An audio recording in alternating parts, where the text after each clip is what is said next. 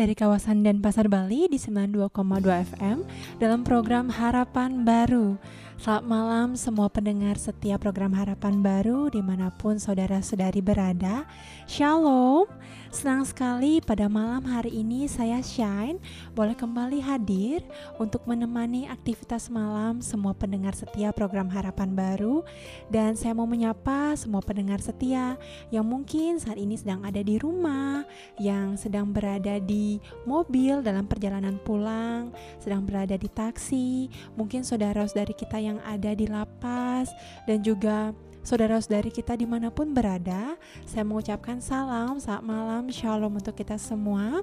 Dan pada malam hari ini, pastinya saya Shine tidak sendiri, saya ditemani oleh saudari kita Marta yang akan memutarkan lagu-lagu rohani yang hits untuk kita semua. Dan nanti saya akan perkenalkan pembicara kita, narasumber kita pada malam hari ini. Dan pastinya program Harapan Baru pada hari ini, Minggu 10 Januari 2021, mengambil tema spesial yaitu mempersembahkan tubuh untuk kemuliaan Tuhan. Pada malam hari ini adalah perjumpaan kita untuk kedua kalinya di tahun yang baru di tahun 2021. Dan pastinya program Harapan Baru ini merupakan persembahan dari Gereja Kristen Protestan di Bali.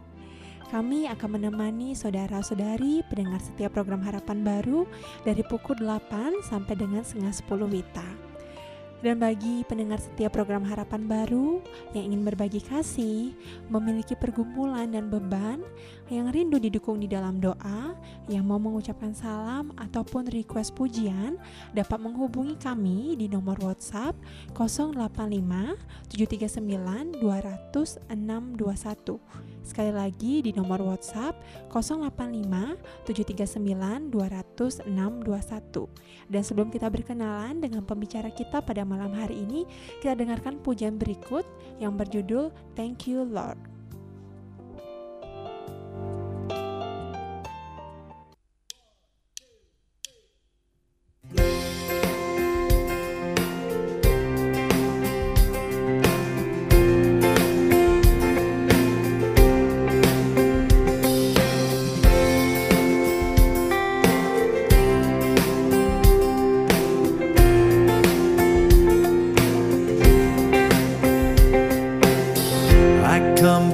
for you today.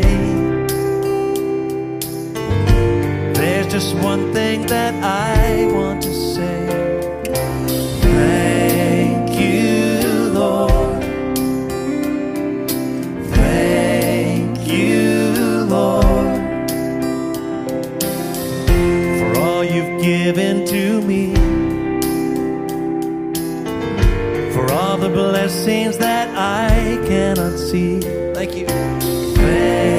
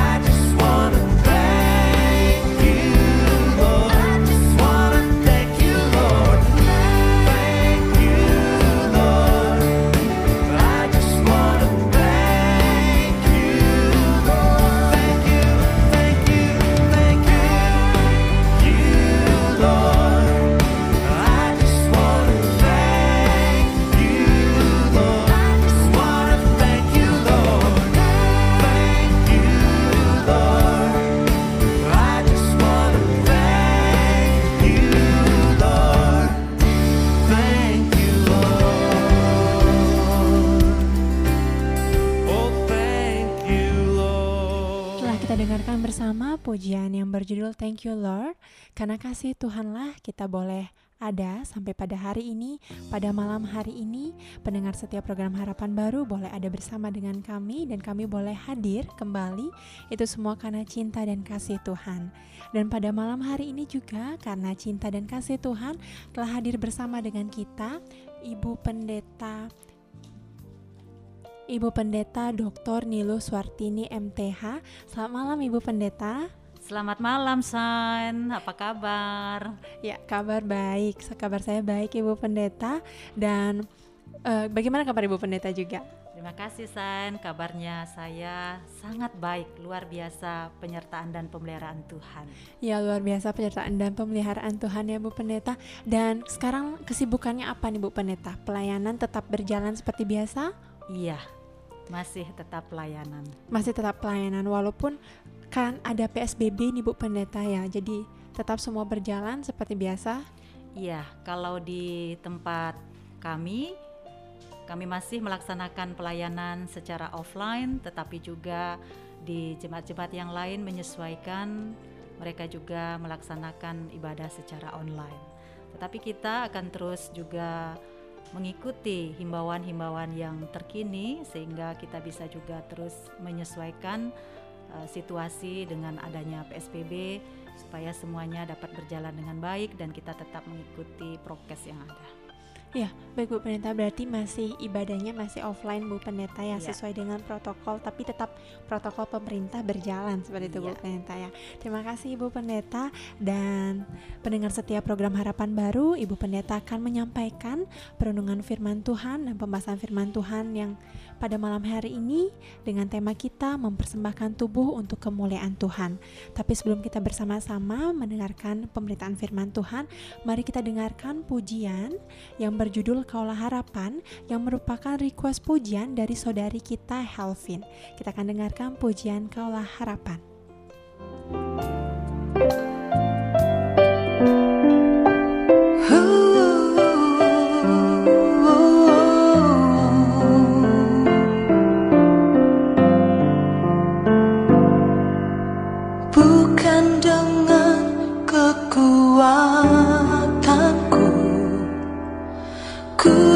dapat jalani hidupku tanpa Tuhan yang di samping.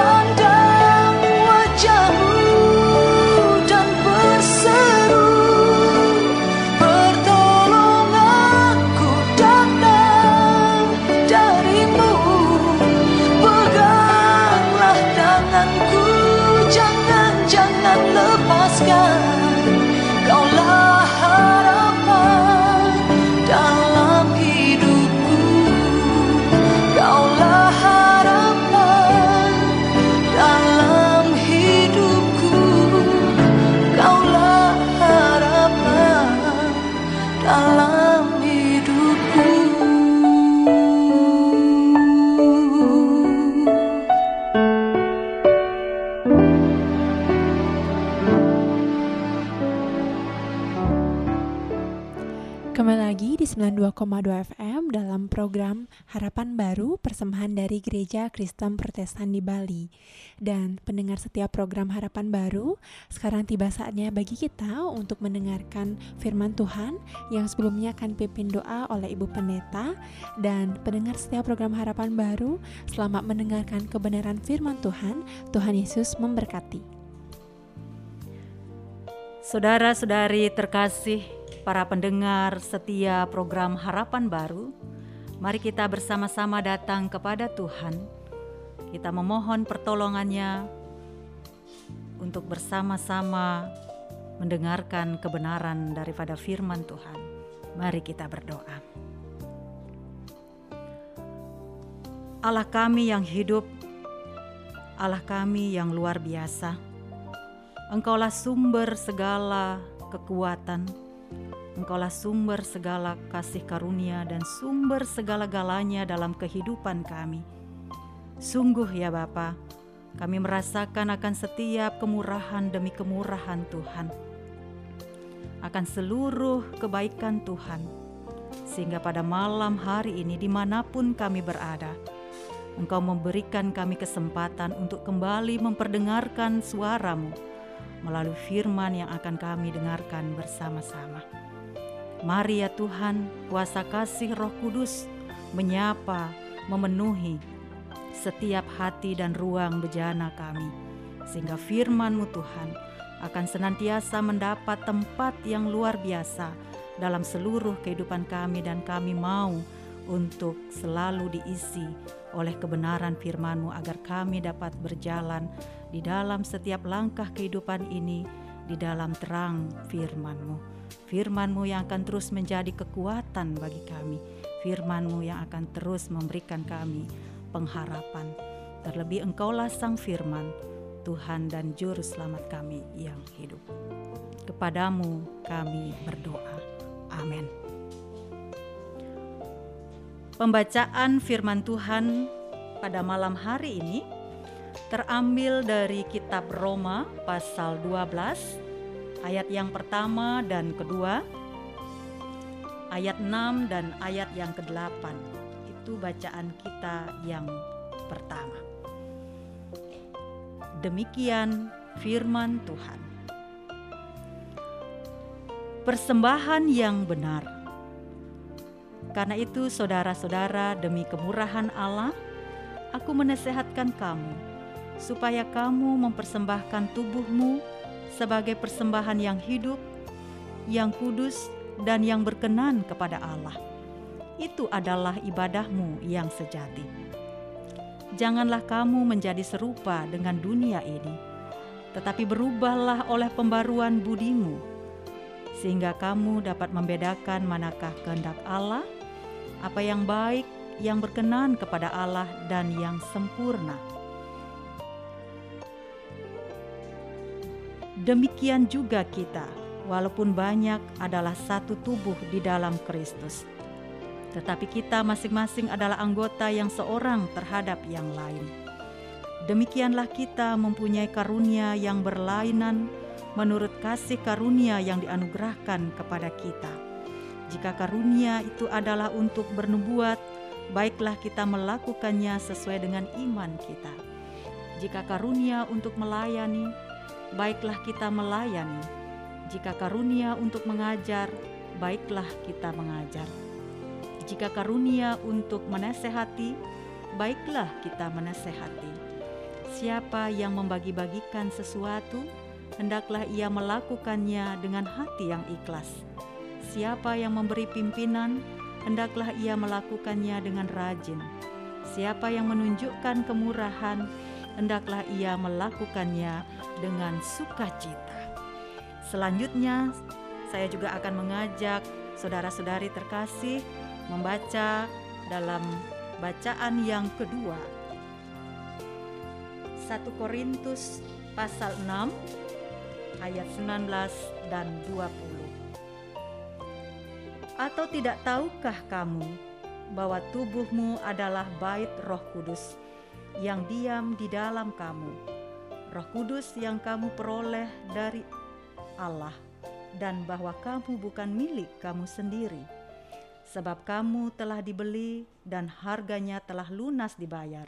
Karena itu, muliakanlah Allah dengan tubuhmu. Demikianlah pembacaan firman Tuhan pada malam hari ini. Saudara-saudari yang terkasih, para pendengar setia harapan baru. Tema renungan kita mempersembahkan tubuh untuk kemuliaan Tuhan.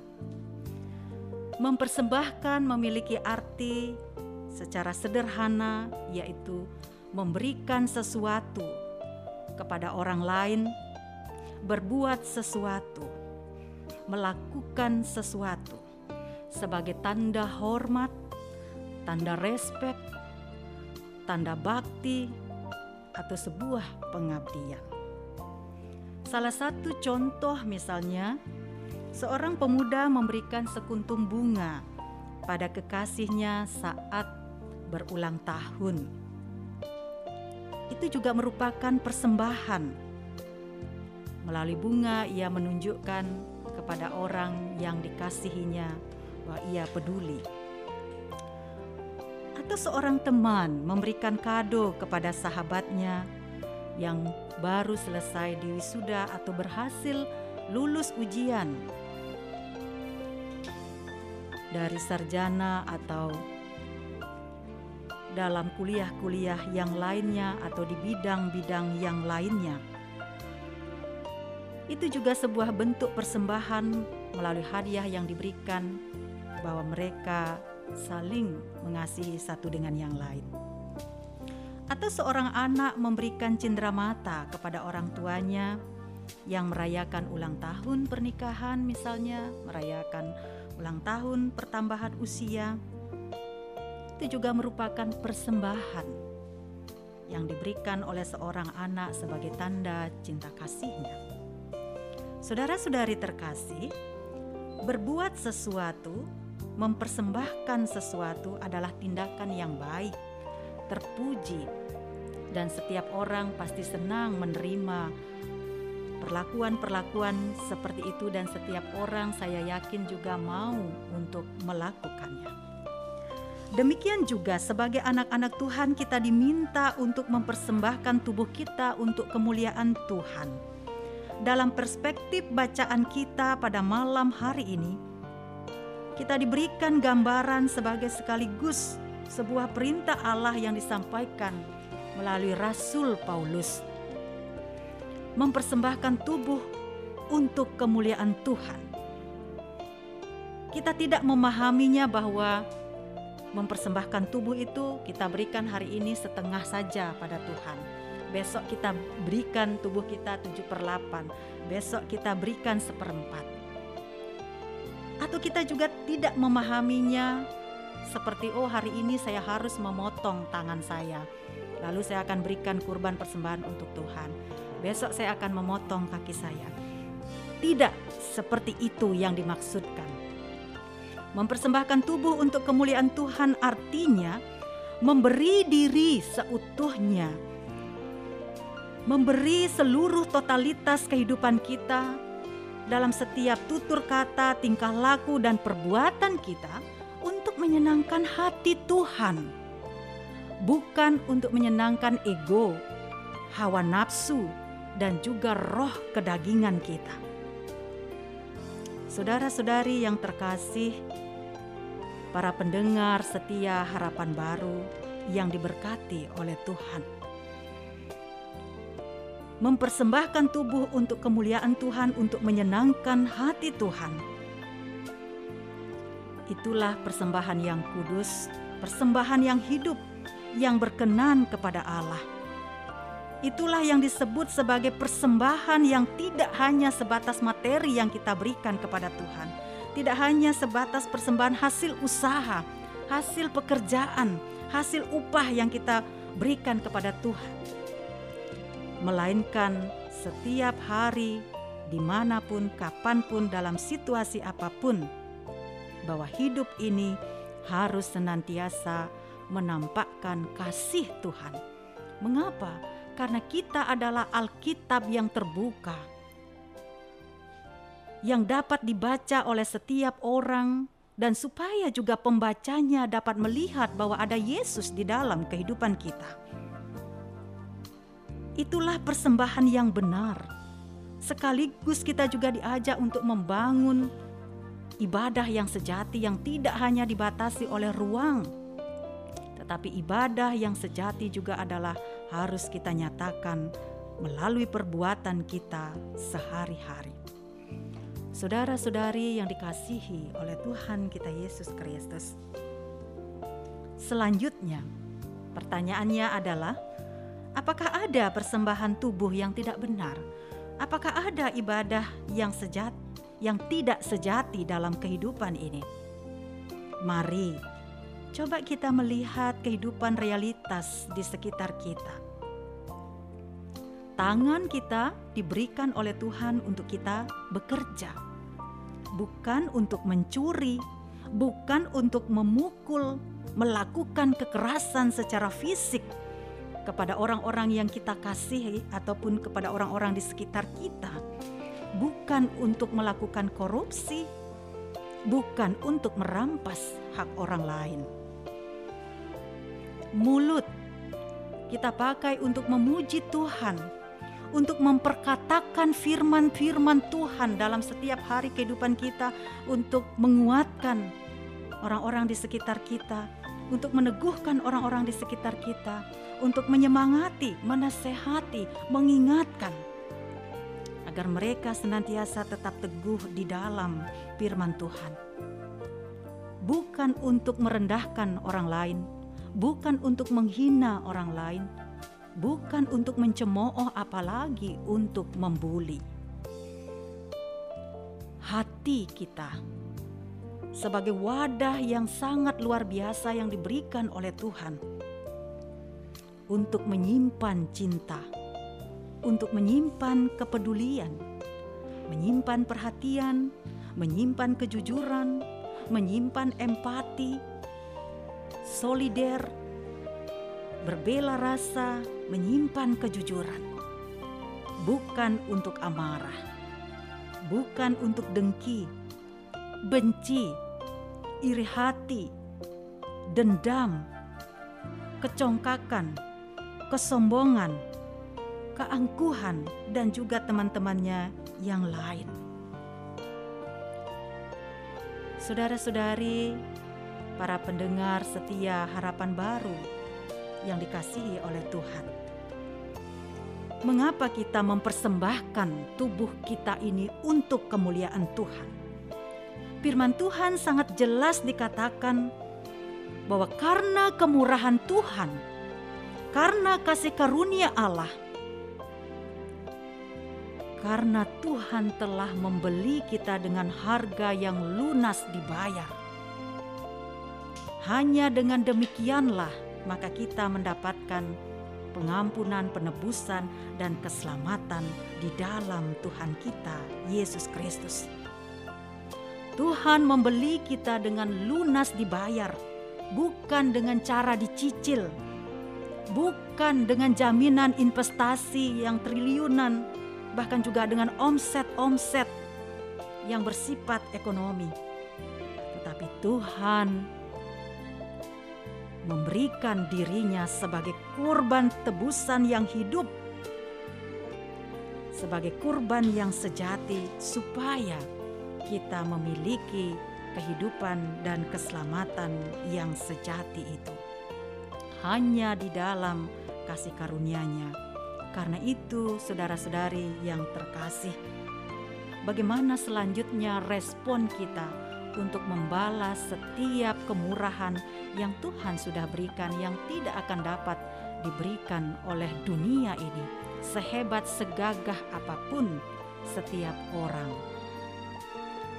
Hal yang kedua, kita juga diajak di dalam mempersembahkan tubuh untuk kemuliaan Tuhan. Kita diajak untuk mari kita selalu menjadi anak-anak Tuhan. Setiap hari hidup kita diperbaharui, lahir baru. Seperti kata firman Tuhan, berubahlah oleh pembaruan budimu. Jangan serupa dengan dunia ini, supaya kita dapat membedakan mana kehendak Allah, mana perbuatan yang baik, dan mana yang tidak baik. Mengapa demikian? Karena hanya orang yang lahir baru yang dipimpin oleh Roh Allah, maka ia akan tetap dapat melakukan apa yang dikehendaki oleh Tuhan di dalam kehidupannya.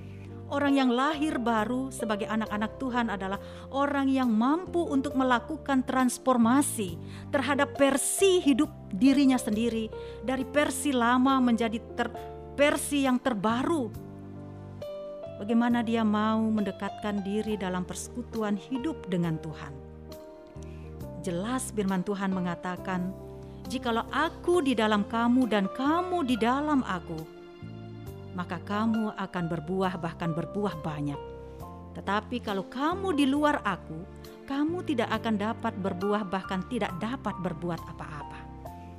Karena itu saudara-saudari yang terkasih di dalam Tuhan kita Yesus Kristus, kita boleh hidup bersama dengan siapa pun sebagai sesama satu dengan yang lain. Kita boleh hidup berdampingan, tetapi kita harus memiliki penguasaan diri. kita harus menjadi berkat bagi satu dengan yang lain. Bahkan supaya kita melalui kehidupan ini orang melihat buah-buah yang kita hasilkan. Hal yang berikutnya adalah firman Tuhan mengajak kepada kita, mari kita menggunakan segenap anggota tubuh kita melalui talenta potensi yang Tuhan sudah berikan bagi kita masing-masing. Apakah ada di antara kita, para pendengar setia harapan baru, merasa tidak memiliki karunia? merasa Tuhan tidak berbuat apa-apa untuk dirinya. Satu hal contoh, seorang gadis Natalia Partika berusia 15 tahun.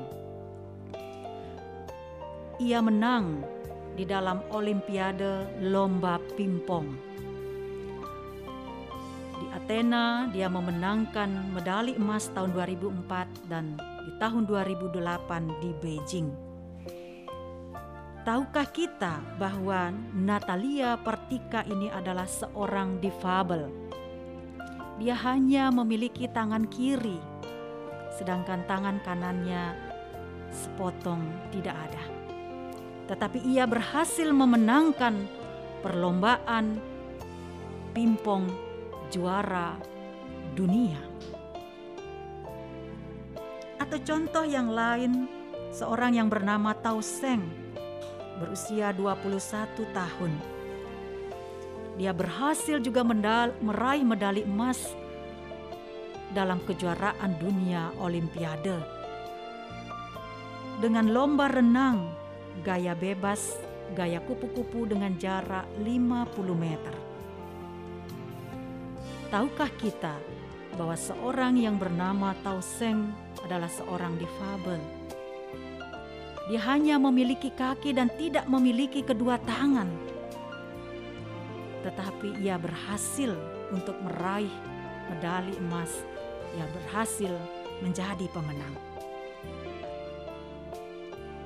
Atau kita juga bisa melihat contoh yang lain seorang tuna wicara, tapi ia mampu menggunakan bahasa isyarat dalam siaran berita yang sering kita saksikan. Tunawicara artinya dia tidak bisa berbicara seperti pada umumnya, tapi bisu.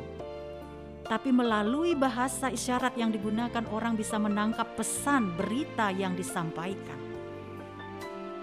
Saudara-saudari yang terkasih, kalau kita melihat seorang Natalia Tauseng, dan juga seorang tunawisma. Di dalam kasih karunia Allah, ia begitu menghargai setiap apa yang diberikan di dalam hidupnya.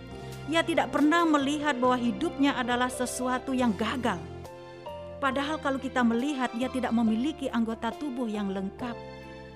Tetapi ia memiliki semangat, dia memiliki cinta Allah bagaimana ia membangun dirinya dan menghargai setiap potensi yang diberikan. Bagaimana dengan kita? Kita yang diberikan anggota tubuh yang lengkap, sudahkah kita juga menggunakan secara maksimal apa yang Tuhan sudah percayakan untuk kita lakukan, untuk kita kerjakan di dalam setiap hari? Sudahkah kita senantiasa menjadikan itu sebagai tanda syukur bahwa anugerah Tuhan sungguh luar biasa di dalam setiap pribadi masing-masing orang. Melalui firman Tuhan ini kita diajak untuk melihat sekecil, sesederhana apa pun yang kita lakukan, kita kerjakan, apalagi kita bekerja untuk pekerjaan Tuhan. Tidak ada yang rendah di mata Tuhan. Tidak ada yang hina di mata Tuhan semuanya berharga, semuanya akan dihormati oleh Tuhan. Namun sering kali kitalah yang menganggap tidak penting, menganggap apa yang telah Tuhan kerjakan, lakukan dalam kehidupan kita, bahkan ia rela di, di kayu salib, karya agung Allah yang besar, yang hebat, yang luar biasa, justru kita melihatnya tidak berarti apa-apa, bahkan kita mengabaikan. Saudara-saudari yang terkasih, melalui firman ini kita diajak untuk Tuhan mau mengajak kita bekerja sama.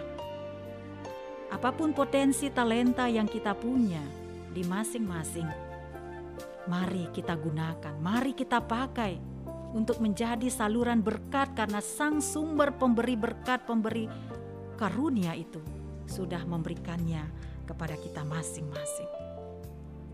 Karena setiap orang sangat berharga, setiap orang begitu istimewa. Apa pun yang Tuhan percayakan untuk kita kerjakan saat ini, hari ini, bahkan juga di waktu-waktu yang mendatang, ataukah juga sebelumnya Tuhan sudah mempercayakan kita banyak hal. Kita tetap setia dalam perkara yang kecil, juga dalam perkara yang besar. Lakukanlah semuanya dengan iman, dengan ikhlas, tulus, rajin, dan juga sukacita. Seperti firman Tuhan dalam Kolose 3 ayat 23 sampai 24 berkata demikian. Apa pun juga yang kamu perbuat, perbuatlah dengan segenap hatimu, seperti untuk Tuhan dan bukan untuk manusia. Kamu tahu bahwa dari Tuhanlah kamu akan menerima bagian yang ditentukan bagimu sebagai upah. Kristus adalah Tuhan dan kamu hambanya. Demikianlah firman Tuhan pada malam hari ini. Mari kita selalu mempersembahkan tubuh kita untuk kemuliaan Tuhan.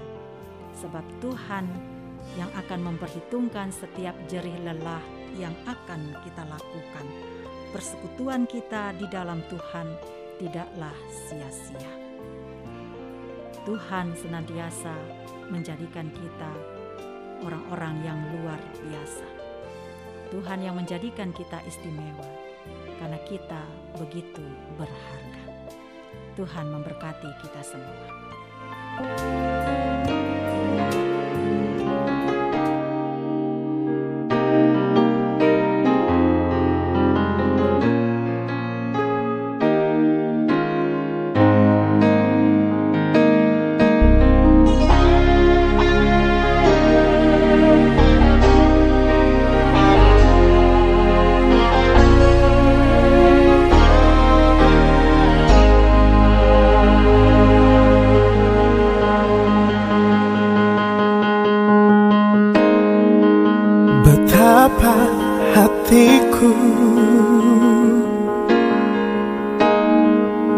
Berterima kasih Yesus. Kau mengasihiku.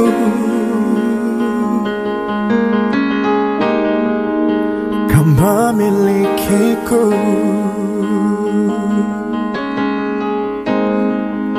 Hanya ini Tuhan persembahanku Segenap hidupku Jiwa dan ragaku Sebab tak ku miliki Harta kekayaan Yang cukup berarti Untuk ku persembahkan. Hanya ini Tuhan Permohonanku Terimalah Tuhan Persembahanku Pakailah hidupku Sebagai alatmu Seumur hidupku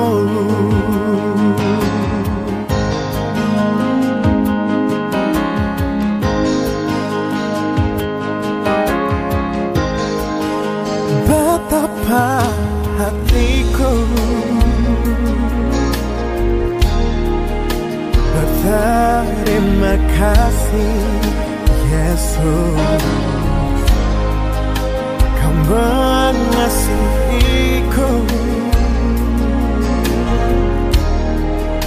Kau milikku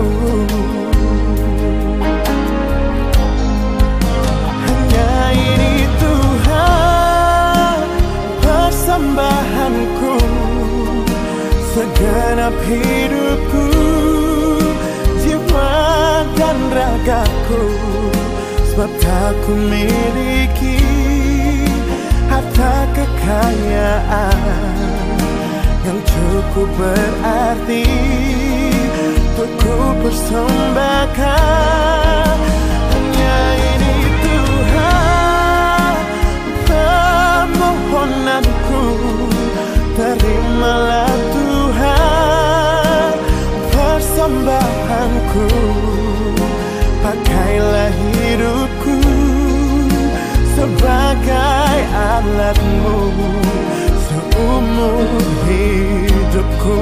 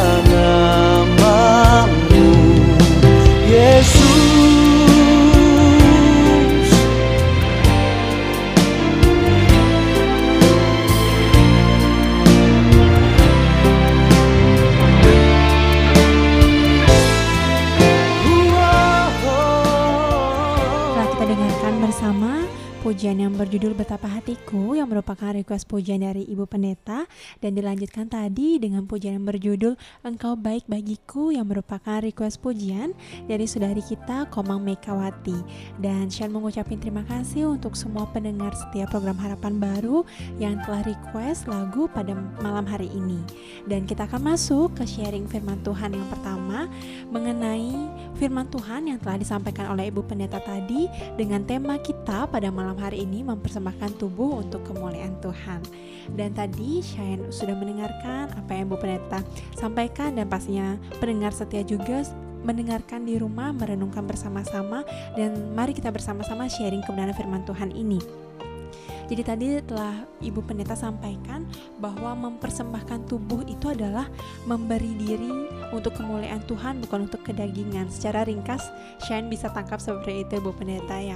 Jadi kalau dulu itu Bu Pendeta Shine uh, waktu dulu itu belum mengerti mempersembahkan tubuh kayak mempersembahkan tubuh kayak yang ibu pendeta sampaikan tadi apakah kita memberi tangan memberi kaki tapi mempersembahkan tubuh itu memberi diri seperti itu bu pendeta ya dan untuk ini bu pendeta bukan untuk kedagingan kedagingan ini yang seperti apa bu pendeta Iya. Terima kasih San, pertanyaan yang sangat luar biasa. Kedagingan atau roh hawa nafsu. Firman Tuhan juga di dalam sabdanya setiap anak-anak Tuhan yang dipimpin oleh roh Allah adalah anak Allah.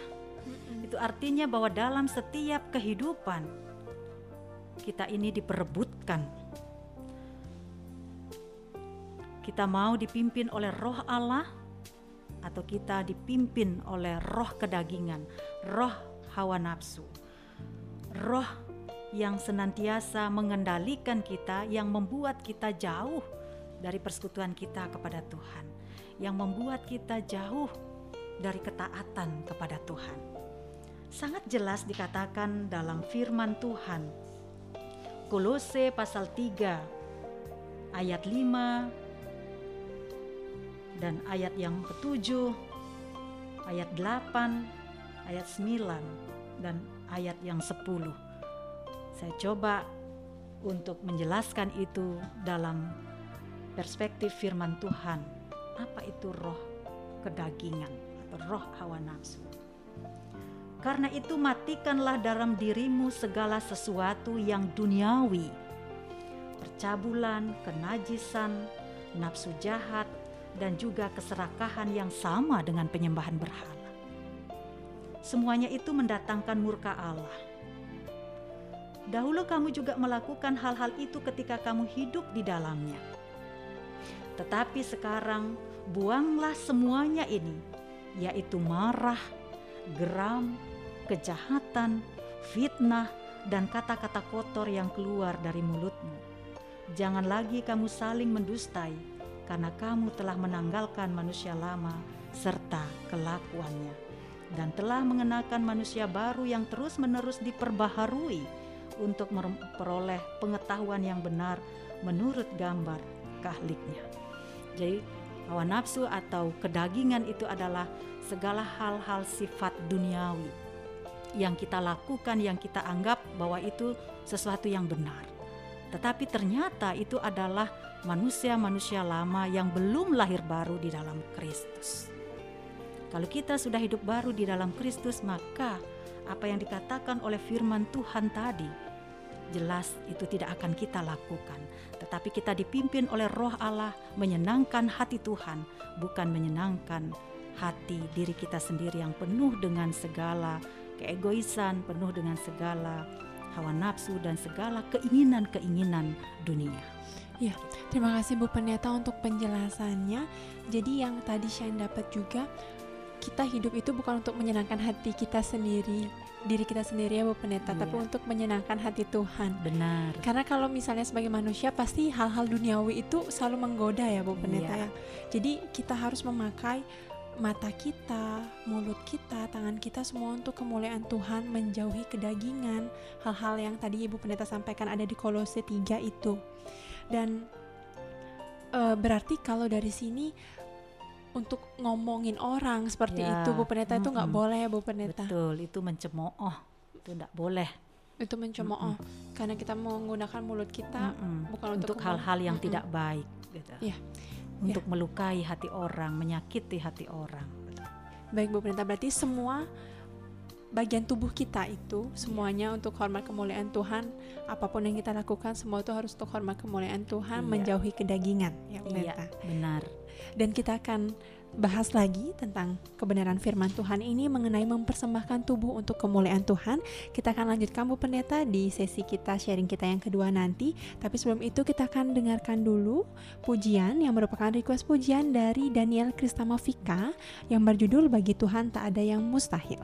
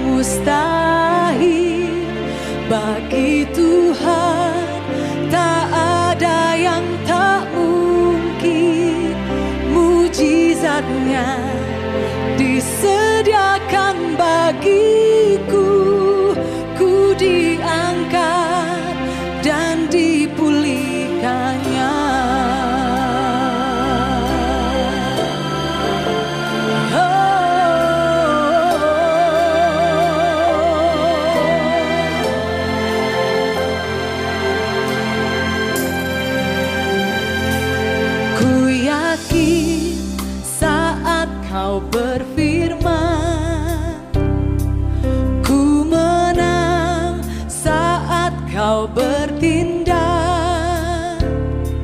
Hidupku hanya ditentukan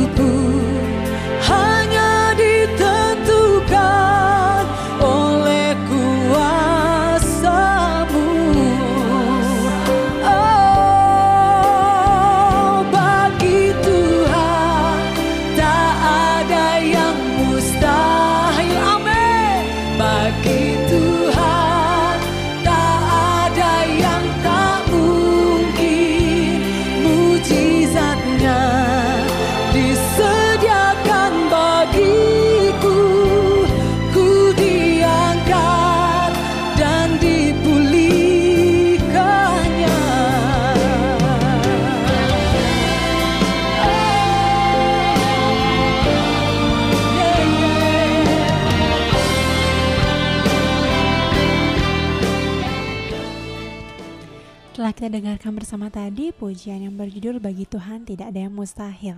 Dan pendengar setiap program Harapan Baru, kita akan melanjutkan sharing kebenaran firman Tuhan di sesi 2 ini tentang mempersembahkan tubuh untuk kemuliaan Tuhan. Dan tadi kita sudah bahas bahwa mempersembahkan tubuh adalah memberi diri untuk kemuliaan Tuhan dan menjauhi kedagingan dan di sesi ini uh, ada pertanyaan dari Shine untuk Ibu Pendeta. Jadi wah tadi juga Ibu Pendeta sampaikan bahwa tubuh adalah bait Allah seperti itu.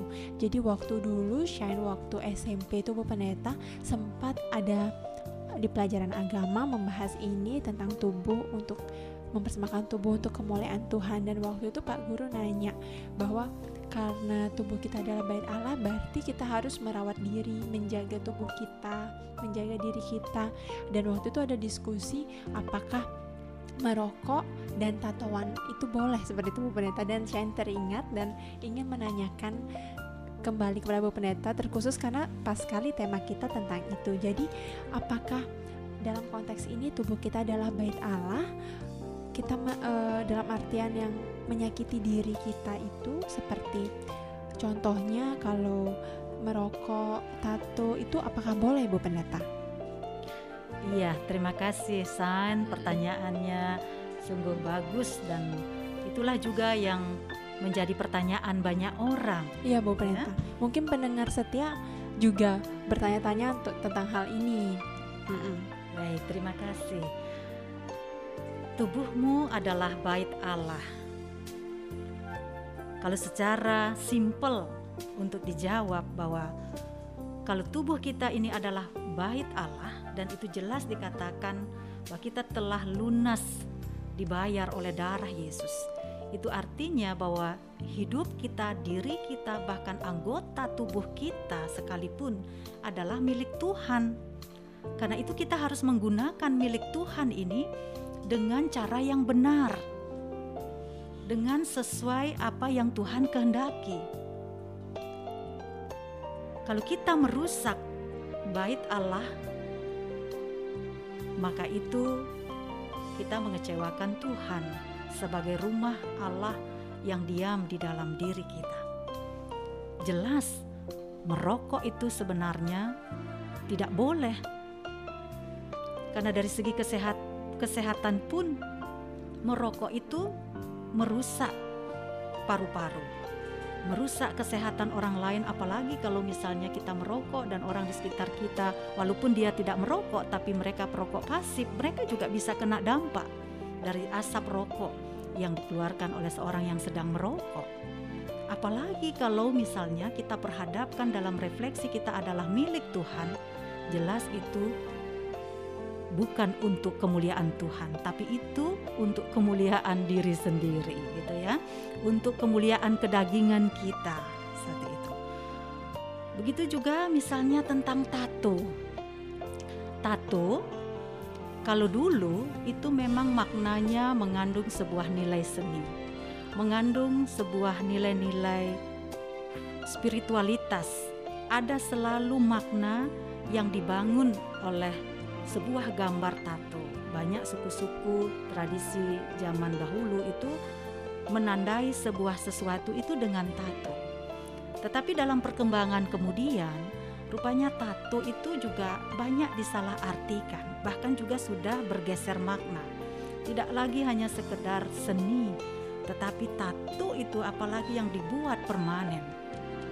Kalau kita melihat dalam pandangan secara okultisme, Orang yang memasang menggambar tato di tubuhnya dengan ular naga seperti itu ya, dengan segala model-model gambar binatang yang lainnya. Tentu itu juga akan membawa pengaruh roh kedagingan atau roh hawa nafsu yang bisa membawa dampak akan karakter-karakter kita yang tidak baik yang bisa juga dipengaruhi oleh berbagai gambar-gambar tato yang kita buat. Karena itu kalau kita mau hidup seni, kalau kita mau hidup secara gaul tanpa harus seperti itu pun bisa. Tuhan selalu mengingatkan kepada kita, gunakanlah anggota tubuh kita ini untuk membangun iman kita, untuk membangun persekutuan kita, bahwa di dalam setiap apa pun yang kita lakukan dan kita kerjakan, harusnya kita menyatakan Yesus hadir dan hidup. Wajah Yesus itu menyinari kita dan menyinari orang-orang yang ada di sekitar kita. Gitu. Ya, terima kasih Bu Pendeta untuk penjelasannya. Berarti dari yang Ibu Pendeta sampaikan bahwa tubuh kita adalah milik Tuhan. Jadi kita harus merawat dan menjaganya. Jadi kalau tadi disampaikan merokok itu tidak, tato itu tidak, seperti itu Bu Pendeta? Iya, ada tambahan lagi main Iya. menjudi, main judi. Mm-mm. Ya, itu juga sebenarnya sangat Mm-mm. tidak dikendaki dan Allah tidak suka. Mengapa?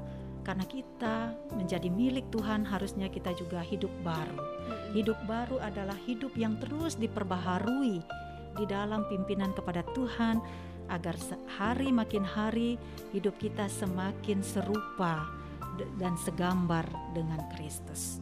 Dan itulah yang sering sulit untuk dilakukan dan sekaligus menjadi sebuah tantangan dalam hidup kita.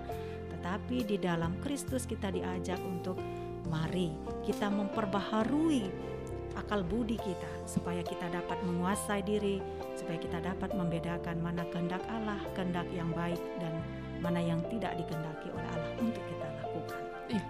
Baik Bu Pendeta, berarti tubuh kita adalah milik Tuhan dan apa yang kita lakukan dengan tubuh kita atau apa pun perilaku yang kita lakukan menggunakan tubuh kita, semuanya itu harus sesuai dengan harus sesuai dengan kehendak Tuhan dan untuk kemuliaan Tuhan seperti Bu Pendeta ya.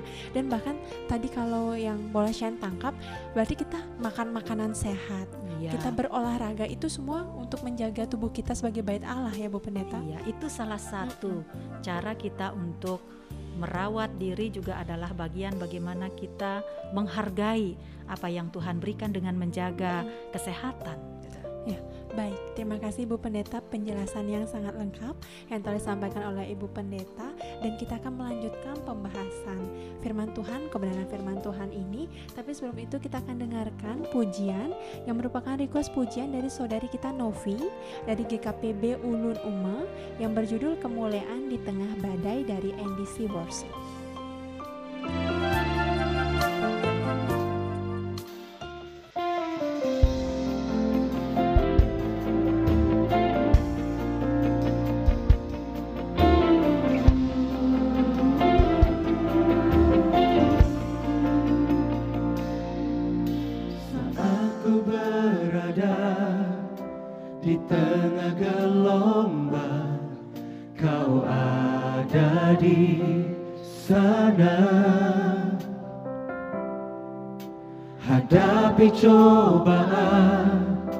Lewati ujian Tanganmu melindungiku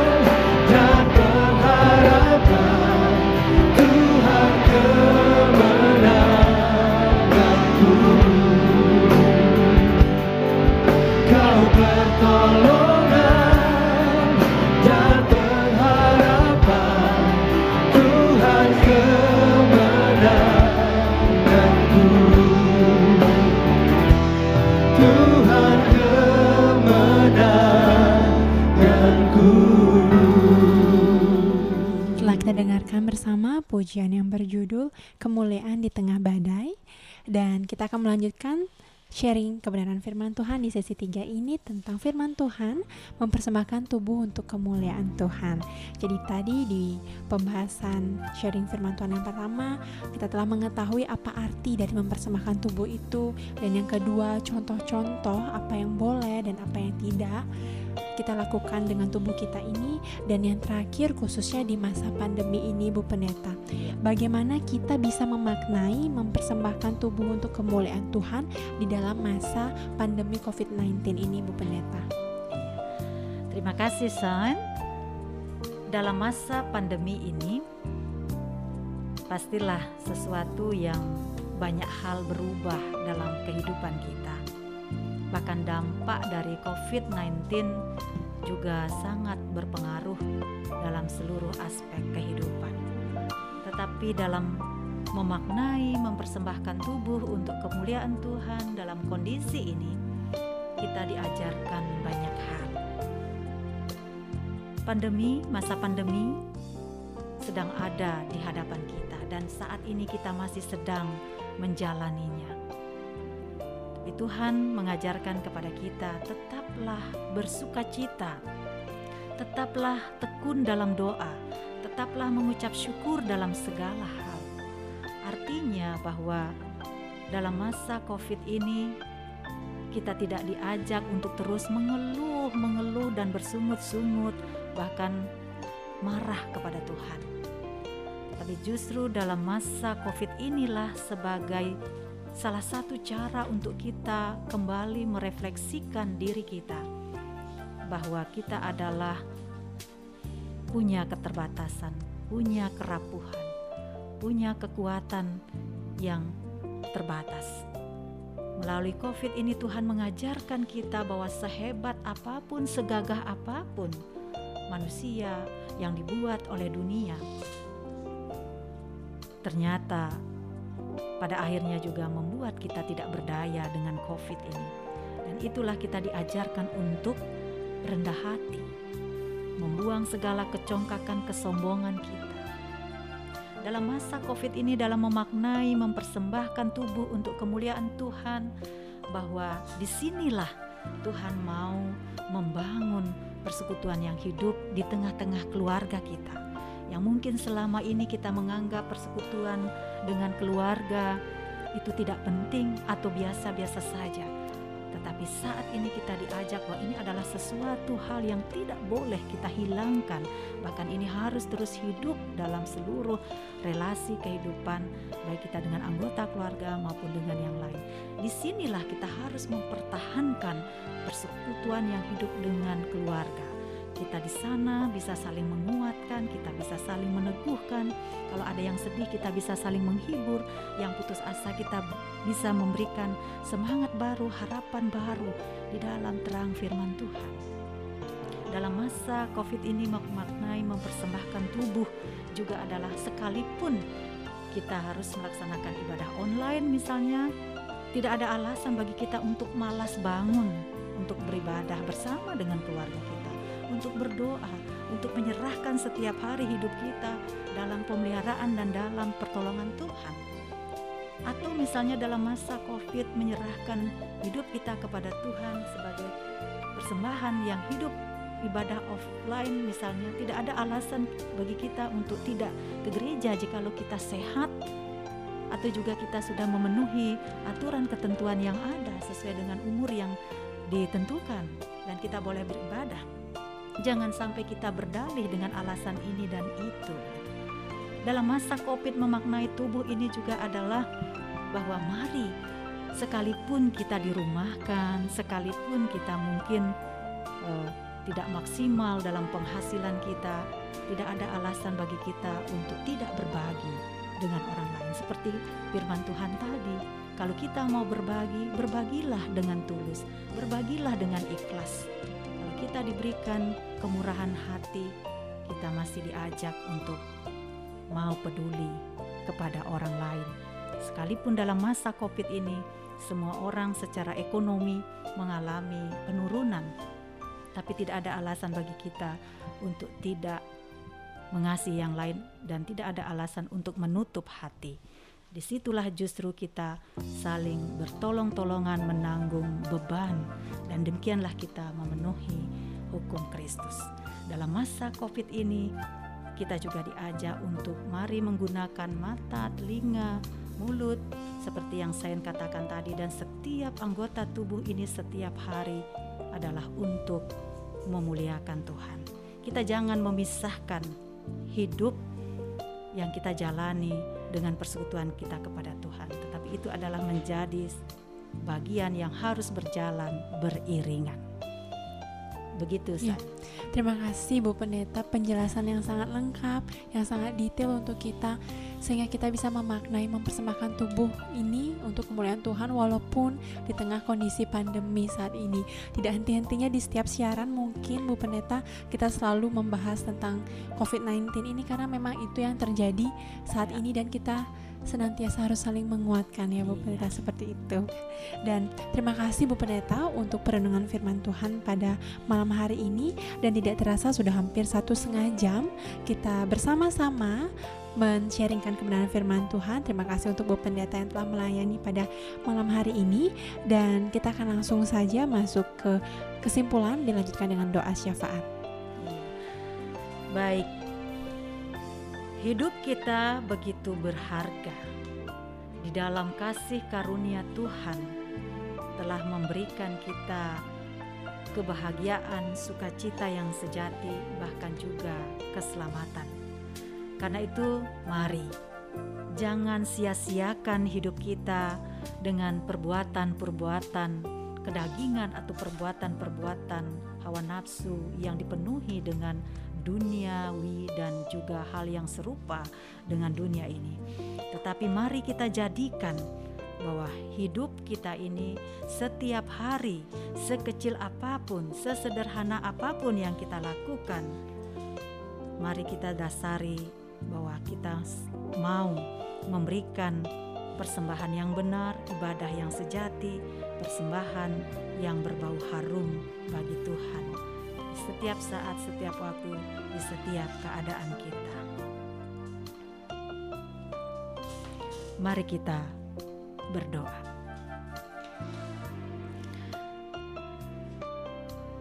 Allah kami yang Maha Kasih, Allah kami yang sungguh luar biasa, tidak terbatas setiap hal-hal yang baik yang Engkau ingin bagikan bagi kami masing-masing. Pada malam hari ini, Engkau mengingatkan dan mengajak kepada kami semua untuk kami memandang kembali kepada Kristus. Kristus yang telah memberikan kami kehidupan yang baru, yang mengantar kami pada jalan kebenaran. Bahkan Yesuslah kebenaran sang sejati. Malam hari ini kami berdoa bersama untuk siapa pun kami, di mana pun kami berada, para pendengar setia program Harapan Baru yang sakit secara khusus bagi saudara terkasih kami, Helvin. Mari Tuhan kuasamu menjamah. Oleh bilur-bilurmu, Engkau telah menyembuhkan saudari kami Helvin. Karena Engkau telah menanggung segala penderitaannya, segala sakitnya di kayu salib. Engkau juga memberikan kesembuhan yang sama bagi setiap orang yang merindukan pemulihan dan kesehatan yang terbaik dari Tuhan kami Yesus Kristus. Dalam kasih karuniamu kami juga berdoa siapa pun Tuhan yang mengalami pergumulan, mengalami persoalan, mengalami tekanan yang berat, beban hidup, terlebih dalam masa COVID ini. Tuhan, Engkaulah sobat kami yang setia. Engkaulah yang senantiasa memberikan kami jalan. Kalau Engkau yang membuka pintu, maka tidak ada yang dapat menutupnya. Selalu ada cara Tuhan untuk menolong setiap anak-anakmu. Karena itu Tuhan, biarlah di dalam kasih, kuasa, roh pengharapan, roh kekuatan yang baru, roh penghiburan, roh kesembuhan. Kiranya itu terjadi bagi setiap orang yang merindukannya. Kami menyerahkan seluruh pokok doa, ucapan syukur dan pengharapan ini. Dan kini kami mohon berkat-Mu. Damai sejahtera Allah melampaui segala akal akan memelihara hati dan pikiranmu di dalam Kristus Yesus dan Roh Kudus, kini kekal sampai selama-lamanya. Amin. Pendengar setiap program Harapan Baru, sampailah kita di penghujung siaran kita pada malam hari ini. Dan terima kasih kepada semua pendengar setia yang telah mendengarkan kita dan telah bergabung melalui request pujian. Dan jangan lupa minggu depan kami akan hadir kembali pukul 20 sampai 21.30 Wita. Dan nantikan kami hanya di 92,2 FM dan program ini diselenggarakan oleh Gereja Kristen Protestan di Bali. Saya Shine dan segenap kru yang bertugas pamit undur diri dan mohon maaf apabila ada kata-kata yang kurang berkenan. Selamat malam, sampai jumpa. Tuhan Yesus memberkati. Goodbye.